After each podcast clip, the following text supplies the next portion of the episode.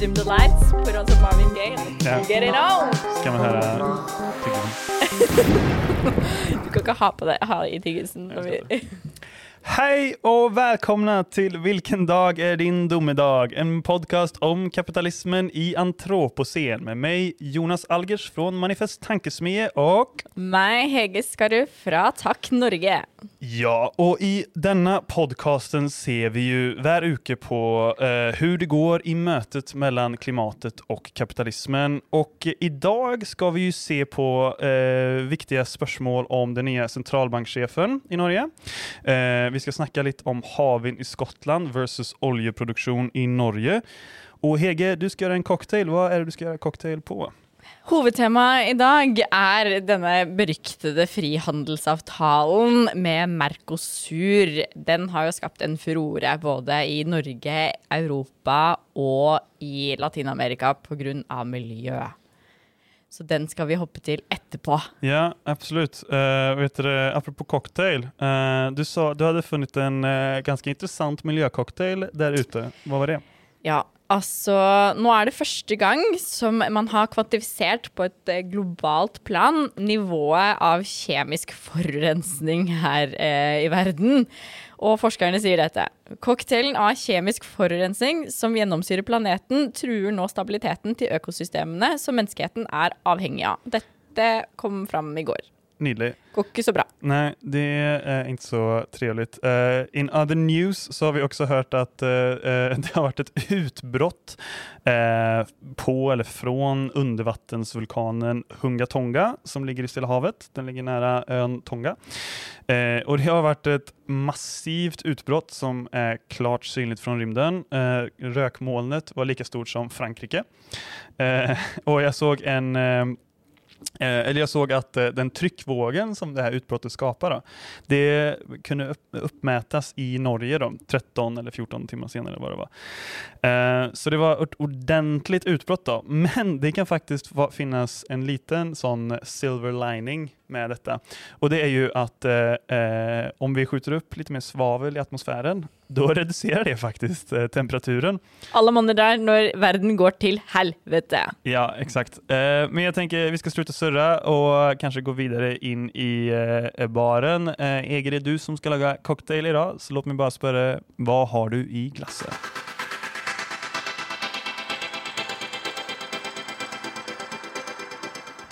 I dag så ser vi på frihandelsavtalen som har skapt veldig mye motstand eh, de siste årene.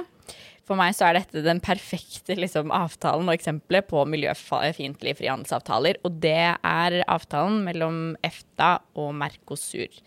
Eh, og også EU og Mercosur. Jeg skal forklare alle disse her forkortelsene nå. Eh, det som eh, I EFTA, der er vi, eh, Norge, en del av et frihandelssamarbeid sammen med Sveits, Liechtenstein og Island. Og grunnen til det er at ingen av oss er med i EU. Ikke sant? Eh, så når EU forhandler om en avtale med noen, så forhandler ofte EFTA-statene sammen også. Så vi er liksom eftersläparna som henger efter eh, EU liksom. Vi har ganske mange lignende Ja. interesser, sier de vi er rike land. Ja, ja, ja. Ja. Så vi forhandler sammen, vi ikke være med i EU, eh, tar det på sida. Em, og Mercosur, det er en annen blokk, sånn som EFTA er. Eh, så det er Argentina, Uruguay, Paraguay og Brasil. Og for veldig mange av de som hører på, vet nok at eh, det går ikke så veldig bra med regnskogen i Brasil Nei. om dagen. Nei. Så på mandag så var det klistra utover forsiden på Nasjonen. Næringsministeren vår, eh, Jan Christian Vestre fra Arbeiderpartiet, han sa at eh, nå eh, ønsker man avtalen ganske greit velkommen. Fordi denne avtalen har ligget stille ganske lenge pga. masse motstand.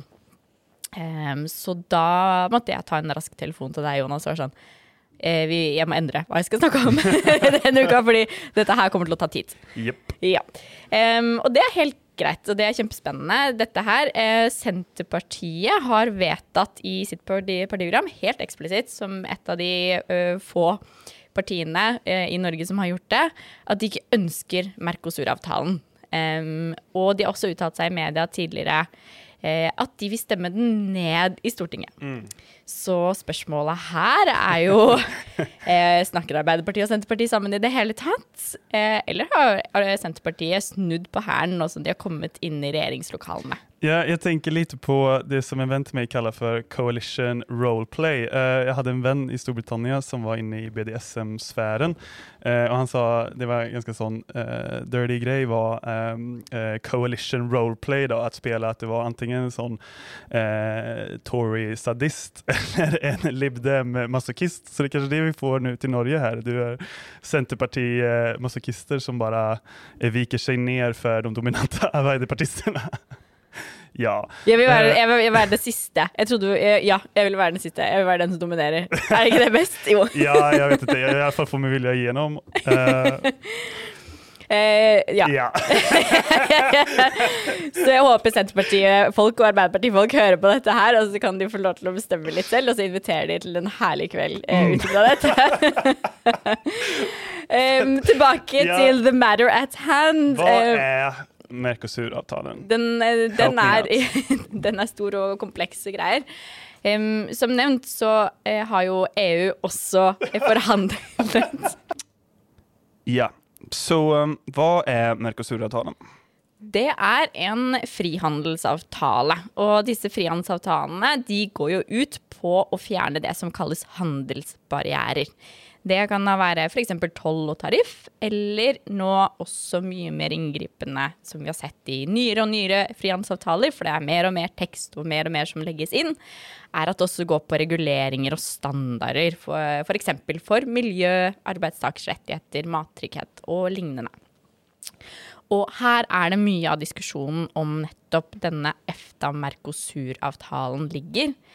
Eh, og det har ligget i kjempestor diskusjon også om dette her i EU, som har en da veldig lignende avtale som det vi ser ut til å få med den samme blokken.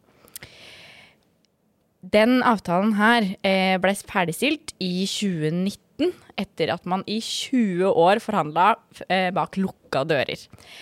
Og mange husker kanskje at sommeren 2019 var prega av noen av de verste brannene vi har sett i Amazonas noen gang. Og de brannene og den avskogingen som vi så der i Amazonas, spesielt da i brasiliansk Amazonas, det ga seg ikke eh, i møte med 2020 eller 2021.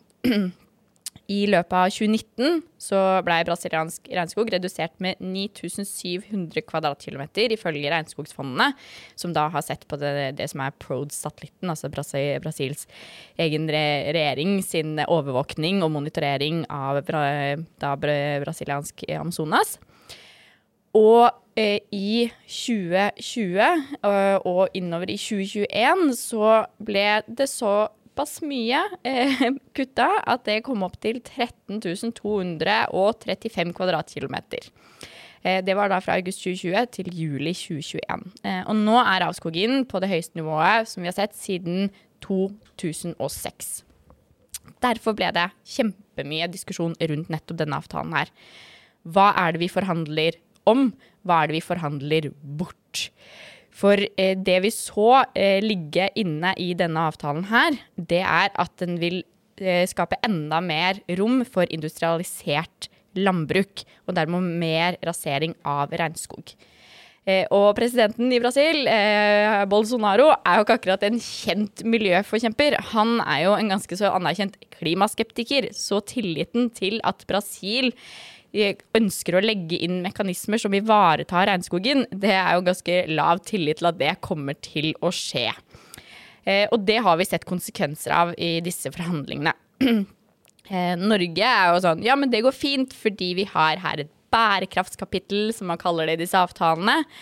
Eh, men det er egentlig bare tomme løfter og eh, vage formuleringer, og ingen mulighet for å eh, gjøre det som vi kaller sanksjonere om det blir brudd på avtalens bestemmelser på bærekraft. Eh, og det er jo sånn at eh, handelsavtaler, det er jo juss Eh, så det ligger sanksjonsmuligheter på alle andre områdene, som da er, gjør at miljø og urfolks rettigheter og arbeidstakerrettigheter blir skadelidende i en altfor stor grad der. Så oppstår det uenighet, så må disse partene i denne avtalen til nesten parterapi. De skal til konsultasjon, eh, og så er det et ekspertråd som legger fram en rapport om hva man burde gjøre, og så kan de velge sjøl om de vil gjøre noe da på bærekraftspørsmålet. Mens i andre områdene så kan de gå eh, til eh, søksmål isteden. Ja. Men det, det var en sak som jeg Vi har ledd så mye at jeg måtte kremte litt. Sånn, takk. Jo, nej, men det, det, var en sak jeg, jeg tenkte på her. For uh, jeg fatter ikke relasjonen mellom EFTA og EU. Altså, Måste ikke EFTA bare tilslutte seg til den avtalen som EU har, uh, har kommet fram til? Liksom? Altså, hvor stor uavhengighet har EFTA i forhold til, uh, til EUs avtale? Uh, litt og ingenting på en og samme tid. Altså, vi har forskjellige interesser, og det er derfor vi forhandler sammen med uh, EFTA uh, fra Norges del. Fordi vi har mer lignende interesser med Island og Sveits og Liechtenstein. så da man står sterkere sammen når man forhandler. Altså Island og Norge på fisk og litt sånn forskjellig. Um, men eh, når EU forhandler fram noe, så blir det ofte sånn at vi ligger ganske tett oppunder der. Så ja. det, man, man, forhandler eh, litt, eh, litt, spesielle ting på det vi har mest interesse på, men, men den EU-avtalen legger ganske mye en føring for hva vi får inn i en EFTA-avtale. Så når dette her forhandles fram blant lukka dører, og vi ikke får lov til å se hva som ligger i EFTA-Mercosur-avtalen, så er det ganske fint at det lekkes dokumenter fra EU-hold, for da kan vi se at ikke dette her holder. Og det er det som har vært med å skape den motstanden.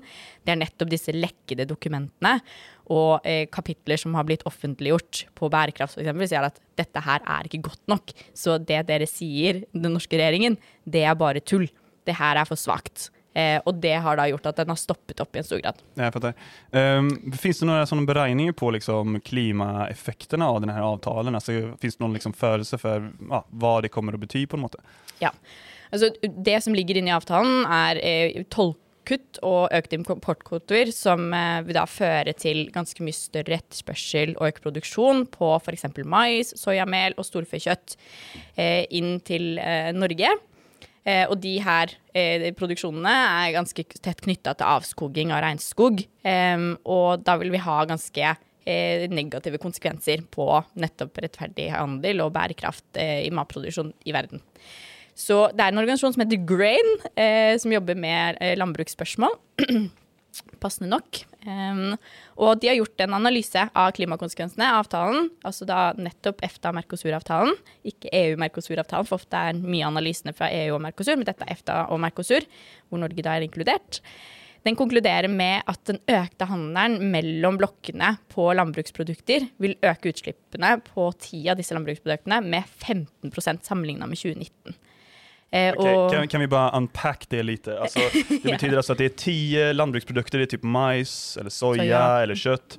Okay, og så kommer utslippene fra produksjonen av de ti stykken at øke med 15 procent mm. sammenlignet med tidligere. Okay. Ja. Og da, da, er det bare disse ti, så da vil det også mest sannsynlig øke ja, på andre ting også som man eh. Eh, så det er ikke precis en avtale som gjør eh, produksjonen av det her, og handelen og konsumsjonen av de her produktene mer miljøvennlig, utan det er helt fel riktning. Liksom. Ja, på mange måter, men så står det i de bærekraftskapitlene så står det sånn at man skal fremme eh, handel med miljø- og klimavennlige varer. Eh, og man skal eh, fremme frivillige standarder for næringslivet. Eh, man skal ha handlingsrom til å eh, innføre politikk på, på miljø osv. osv. Men, eh, men de bestemmelsene er så svake, ikke sant. Så det sier egentlig ingenting. Eh, så er det sånn, ok, men Mener dere egentlig at dette her er bærekraftig? Vi i dette ekspertpanelet vi har konkludert med at det der er ikke eh, bærekraftig, dere burde ha valgt dette her isteden. Eller det dere driver med nå, det er handelshindrene. Ja, just det. Eh, og så videre også på kalkuleringene av utslipp, eh, så skriver Nasjonen i denne artikkelen med Jan Christian Vestre, vår kjære næringsminister, at dersom de importerte storfekjøttet fra Sør-Amerika de første ti månedene i 2021 heller var produsert i Norge eller Europa, så ville det ha gitt en utslippsreduksjon tilsvarende 30 000 biler i året. Ja. altså det, det er intressant. Det er mange biler. Det er ganske mange biler. og det, det er så interessant, det for för vi, vi tenker ju ofta, alltså logiken bakom liksom handelsavtal, sånn økonomiteoretisk, handler om sånn, mer effektivt ressursforbruk. Ulike olika land kan spesialisere seg, og så blir det mer effektivt og, når vi handler osv. så vidare. Men spørsmålet er frågan är liksom, enligt parametere parametrar blir det mer effektivt? Då? Her ser vi jo ganske tydelig at att det eh, kanske blir eh, billigare, men det betyder inte nödvändigtvis att det blir mer effektiv resursbruk av koldioxidbudgeten till exempel. Så um, ja, nej, men intressant. Men eh, jag tänker också på, eh, Norge har ju också en kanske en liten speciell relation till Latinamerika speciellt. Norge har ju en stor regnskogsfond, är det inte så? En stor, man lägger i alla fall väldigt mycket pengar på att bevara regnskogen i stolte av norsk regnskogsatsing. Ja, Ja. precis. Eh, jag har hört något om den, jag vet inte. eh, men, eh, men eh, så jag tänker lite, det är ju lite då uh, ulogiskt, eller vad ska man säga, Ehm, det står lite i motsättning till varandra att å ena sidan lägga upp till att eh, rasera regnskogen genom ökt handel och hög, ökt, eh, ja, ökt handel med Latinamerika. Och på andra sidan liksom lägga väldigt mycket pengar på regnskogsbevaring. Alltså de här två hänsynen, går inte de lite emot varandra? Jo, det kan du jo si. Altså, Norge har siden eh, 2008 ca. bidratt med eh, rundt 8,3 milliarder kroner for å bremse eh, hogsten av regnskog i Amazonas. Eh, og de utbetalingene de blei stoppa i 2019 til Amazonasfondet fordi gode, gamle høyreekstreme Bolsonaro han la ned styret for fondet og gjenåpna for hogst og gruvedrift i regnskogen. Em, og litt bakgrunnshistorie her er at i Brasils grunnlov så anerkjenner man at eh, urfolk har rettigheter knytta til tradisjonelle territorier, som da er i Amazonas, ikke sant. Og det her blei forsterka gjennom ratifiseringen av ILO-konvensjonen i 2002, og i løpet av tiårene etter det her, eh, 1988, eh, så ble det oppretta mange nye sånn, urfolksterritorier, så man fikk mer rettigheter, man fikk mer territorier på Ja. bakgrunn av historien. Den ILO-konvensjonen det er den samme som uh, beskytter samers rettigheter i Norge, ikke sant? Ikke sant? den Ja. internasjonale eh, Labour Organization Ja. uh, sin konvensjon. Så den har, den er, eh, det er som Parisavtalen for arbeidstakerrettigheter, på en måte. Ja, ja, Ja. Um, og så har man da sett de siste åra at de har, prosessene har blitt stansa opp. Eh, Og i eh, 2019 så flytta den nye regjeringen, altså da Bosnia-regjeringen, ansvaret for å fastsette grenser for nettopp urfolks territorier fra Urfolksdirektoratet til Landbruksdepartementet. Høres ikke så uh, veldig skummelt ut egentlig i seg sjøl, men det det her egentlig eh, betyr, og blir tolka som, er da nettopp en ytterligere innstramming i uh, arbeid med eh, urfolks eh, rettigheter og territorier. Det blir jo så at uh, urfolksrettigheter blir liksom en del av landbruksissues. Uh, eh, issues, ikke sant? Altså I stedet for at det blir en del av uh, urfolks, Uh, hva, vad var det hette, uh, urfolksretoratet. Altså, skjønner du hva jeg mener? Det blir liksom en del av lantbrukspolitiken Og da för- kan man jo tenke seg hvilke interesser det er som får størst gjennomslag. Ja, og det er nettopp fordi landbrukspolitikken har også eh, til den Bolsonaro-regjeringen har vært ganske lenient, for å si det mildt, Ja. mot industriell landbruk, og at man skal da eh, bruke mer områder til nettopp eh, eh, landbruksproduksjon og for eksport. Ja. Eh, og her sitter man jo da nå i Norge, midt i kjernen av denne her debatten, med Mercosur-avtalen i fanget. Eh, og det er ikke bare her i Europa og Norge det her har skapt motstand på miljø og nettopp landbruksvarer. Det skjer også i Brasil. Og den brasilianske bondeorganisasjonen, eh, De jordløses bevegelse, eller MST, som det er eh, godt kjent som eh, blant noen her i Norge, de har uttalt at handelsavtalen vil påvirke livet, det vil motvirke matsikkerhet, og det vil minske handlingsrommet til nettopp småbønder i Brasil. MST er vel også en del av de som støtter han presidentkandidaten Lula, ikke sant? Ja, det tror jeg. Ja, Mm. så att, eh, ja, okay, Det, får, det blir interessant, for det er jo eh, presidentval snart i Brasil også, kan jo være verdt å nevne. Mm. Så uh, om det her drar ut på tiden så kan vi se, ja, jag, jag vet ikke, vet du om det blir liksom en annen linje fra från Lula eller eh, Jeg vet ikke, det er vanskelig å si, for de har kommet såpass langt. Altså, Ja, Denne avtalen her ble jo ferdigforhandla i 2019, men så har den ligget eh, til juridisk og språklig gjennomgang Ja. eh, siden da. Eh, og også ligge der eh, brakk pga. geopolitiske problemer, som vi tolker som eh, oss i sivilsamfunnet, som har skapt masse masse bråk rundt det. Så um, om Lula kommer til å gå inn og revurdere hele avtalen, er vanskelig, men om de kommer til å si nei til avtalen, det hadde jo vært noe Ja. em, også. Ja, men intressant. Uh, och jag tänker på um, presidenten nu då, det är ju Bolsonaro, en högerradikal populist. Uh, hur, vad det liksom förhandlingarna? Vad är status nå egentligen i, eh, i uh, de her uh, avtalen? Ja, det er jo nettopp det jeg sa, at den har ligget liksom til språklig og juridisk gjennomgang. Men eh, eh, det som de, vi også snakket om, og som også Vestre har snakket om, og tidligere næringsminister eh, Iselin Nybø sa, var jo at man så på å få inn mer på nettopp regnskogsbevaring også. Så den, den eh, gjennomgangen har vært ganske omfattende, sånn jeg har lest det. Em, og, og at vi bare Vi har stoppa hele greia, og det har man gjort før med handelsavtaler også, som er kjempe Det, det er fullt mulig når man ser sånne her avtaler som er veldig inngripende. Um, og det som man òg har sett i EU, så vidt jeg forstår fra deres side, er at de ønsker også å få inn en, noe som heter en sideavtale. Em, og den sideavtalen, uh, den vet vi ikke helt hvordan ser ut. Den har ikke blitt sluppet. Det er noe litt sånn uh, løst der oppe.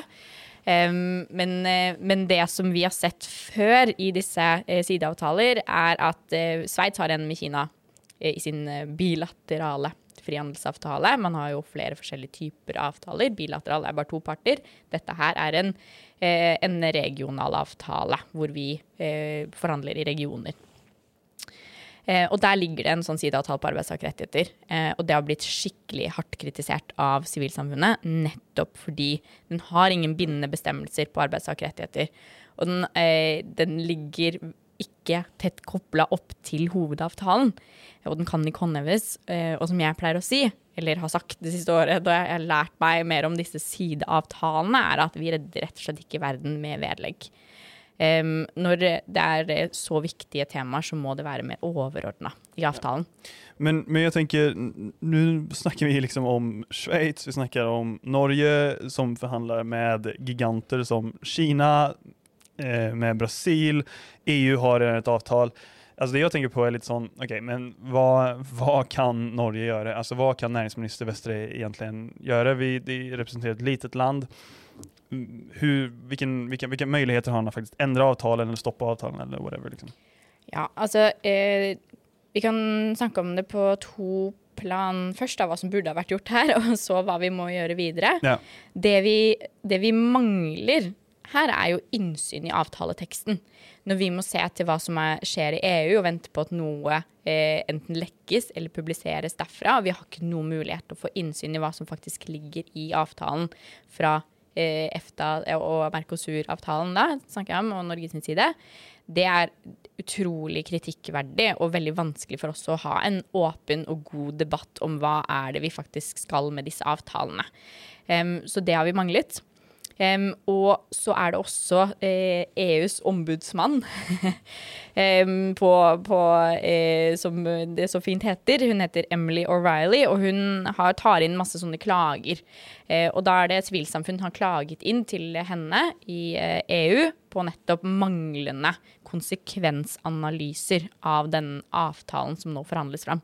Og der viser hun til at det er kjempekritikkverdig at vi ikke har gjort en god nok konsekvensanalyse av hva er det faktisk miljøpåvirkningene vil være her, når vi legger opp til mer import av eh, storfekjøtt fra eh, industrialisert landbruk med regnskog, og hva skjer også med landbruket her i EU når vi gjør dette. Når vi eh, forventer eller baserer oss på import med eh, skip som putrer over eh, havet, eh, mens vi egentlig kunne ha eh, redusert klimagassutslippene våre i en stor grad ved å produsere mer bærekraftig kjøtt her. Exakt, så, Så- prosessen har vært jæklig dårlig? Liksom, Prosessen har vært utrolig utrolig dårlig, og jeg mener også at da, da vi sto der i 2019 foran Stortinget og, og eh, krevde eh, nei til denne avtalen, så burde man i en mye større grad ha inkludert oss mm. som sivilsamfunn og sagt OK, det her er dette som ligger her, hvordan kan vi gjøre dette bedre? Um, fordi um, nå sitter man på et byråkratnivå og, og vurderer ut ifra hvordan er det vi skal skape den beste handelsbalansen. Og ja, vi må passe litt på denne regnskogen, det er også viktig, sammen med en høyrepopulistisk leder. Mm. Så ja, Norge, lille Norge, eh, hva skal vi gjøre? Vi, det vi må gjøre, er at vi må være veldig mye tydeligere. Det er, masse, det er veldig mye økonomiske interesser inne i disse avtalene her. Eh, Storebrand har jo f.eks. Eh, store interesser inne i Brasil, men de har sendt brev til eh, Bolsonaro-regjeringen og er sånn dette gidder vi ikke, med ja. flere. At her må dere gjøre noe. Dere må stoppe denne raseringen av regnskogen. Og det kan også Norge da gjøre når vi sitter og forhandler om det på denne her måten. Si tydelig ifra. Og det har de sikkert gjort. De har sikkert sagt tydelig fra, men å si tydelig fra Du må eh, Du kan talk the talk, but you have to walk the walk, som vi sier på godt norsk, og det opplever ikke jeg at de har gjort eh, det her nå. Så, så i, i framtiden eh, så mener jeg at vi er nødt til å faktisk sette eh, disse konsekvensanalysene i system hvor vi som sivilsamfunn kan ha noe å si på dette. Eh, ja, vi kan ikke bare legge det bort i annekser og vedlegg og svake formuleringer, rett og slett. Skjønner. Ok, Så om, eh, om eh, næringsminister Vestre hører på her, hva er det du vil sende med til ham? Liksom? Er det at han skal bli litt mer, eh, litt fastere hand i sine Eh, har vi jo kommet med gode innspill til hva Arbeiderpartiet kan gjøre eh, i sitt eh, apparat tidligere i denne podkasten her i dag. Men, men, absolutt kanskje ta en liten prat med Senterpartiet. eh, og så får de velge selv på hvilket eh, plan de skal møtes. Men altså, jeg forstår ikke hvorfor de tar denne kampen her nå. Og jeg forstår ikke hva Jeg skjønner ikke hva Senterpartiet holder på med når de har gått så hardt ut, og så tillater de at eh, Vestre går ut og sier at vi er gira, nå er vi klare.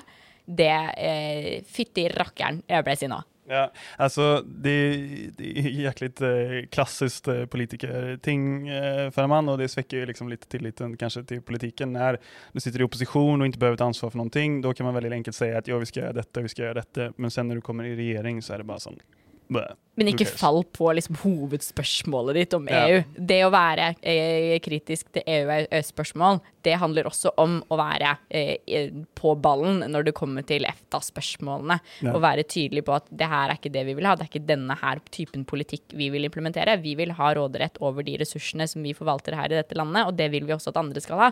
Det sier Senterpartiet, og da må de også holde på den linja. Ja, Det tyckte jag var en, eh, ett väldigt fint avslut på, eh, på eh, dagens besök i baren och Heges cocktail. Ska vi gå vidare kanske? Det syns jeg vi skal gjøre. Ja, Da tenker jeg vi drar videre på nachspiel i Ekkokammeret. All right. med meg til Ekkokammeret har jeg to saker som ble delt ganske mye mycket på Twitter de seneste dagene. dagarna.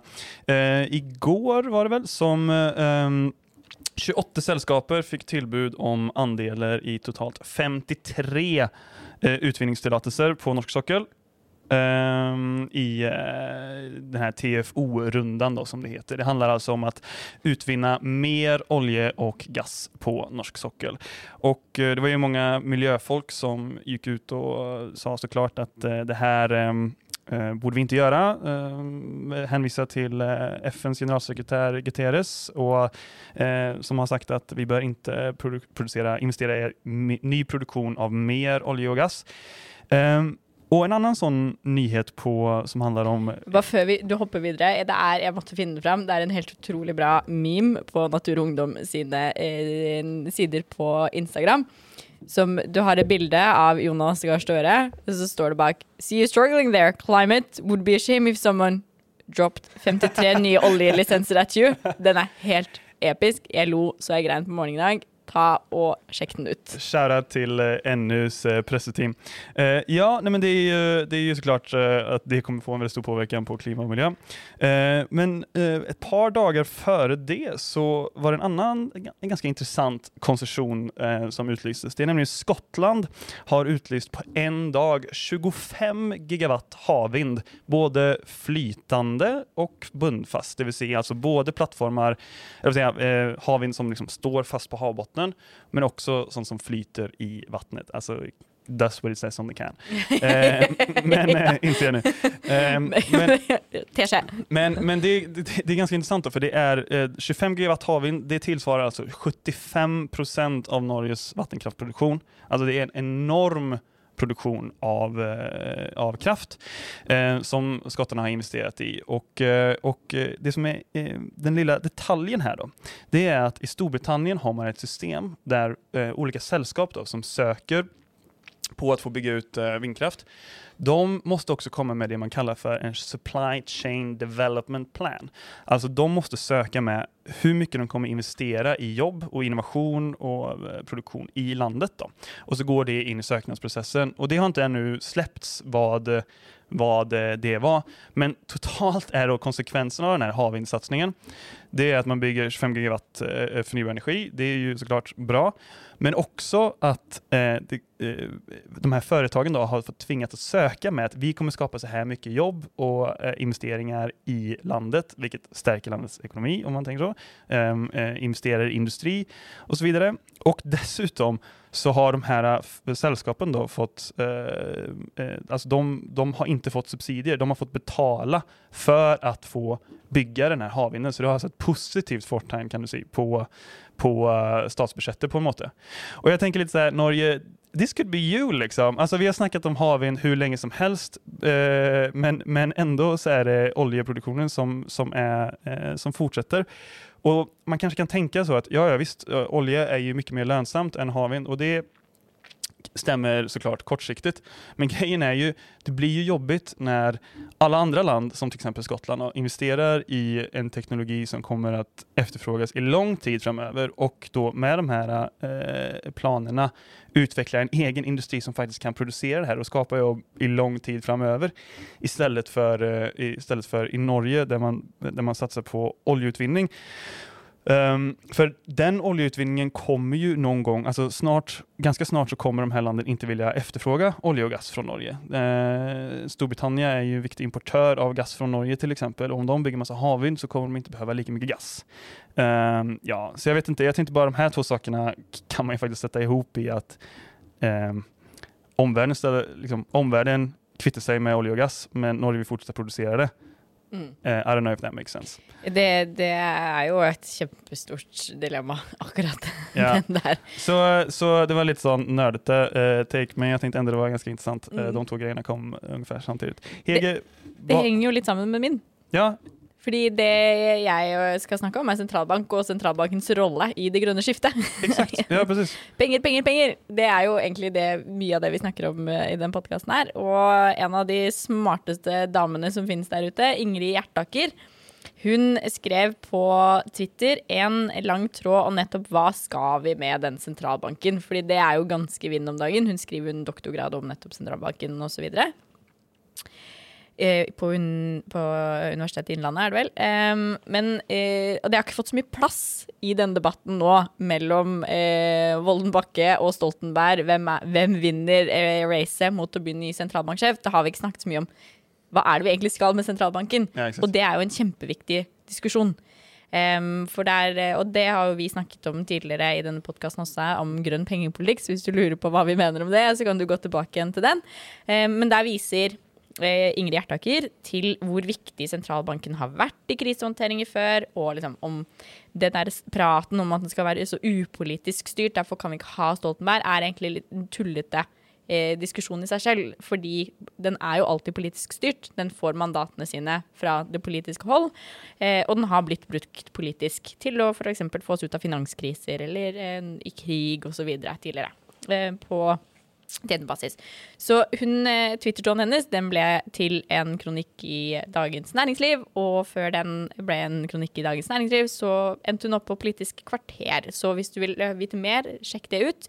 Hun skriver bl.a. i kronikken at om sentralbanker kan trykke billion etter billion med friske penger og bruke disse til å kjøpe opp store deler av finansmarkedene med mål om å stimulere til økonomisk vekst, så kan disse verktøyene også brukes til å fremme andre økonomiske mål som fellesskapet vedtar. F.eks. det grønne skiftet. Ja. Och eh, Det tycker jag är en, en väldigt god poäng. Och jag har liksom inte engagerat mig så mycket i den här centralbanksspörsmålet, för det är lite kjedelig om det är sånn, ja, er det Jens Stoltenberg eller eller det Voldenbacke?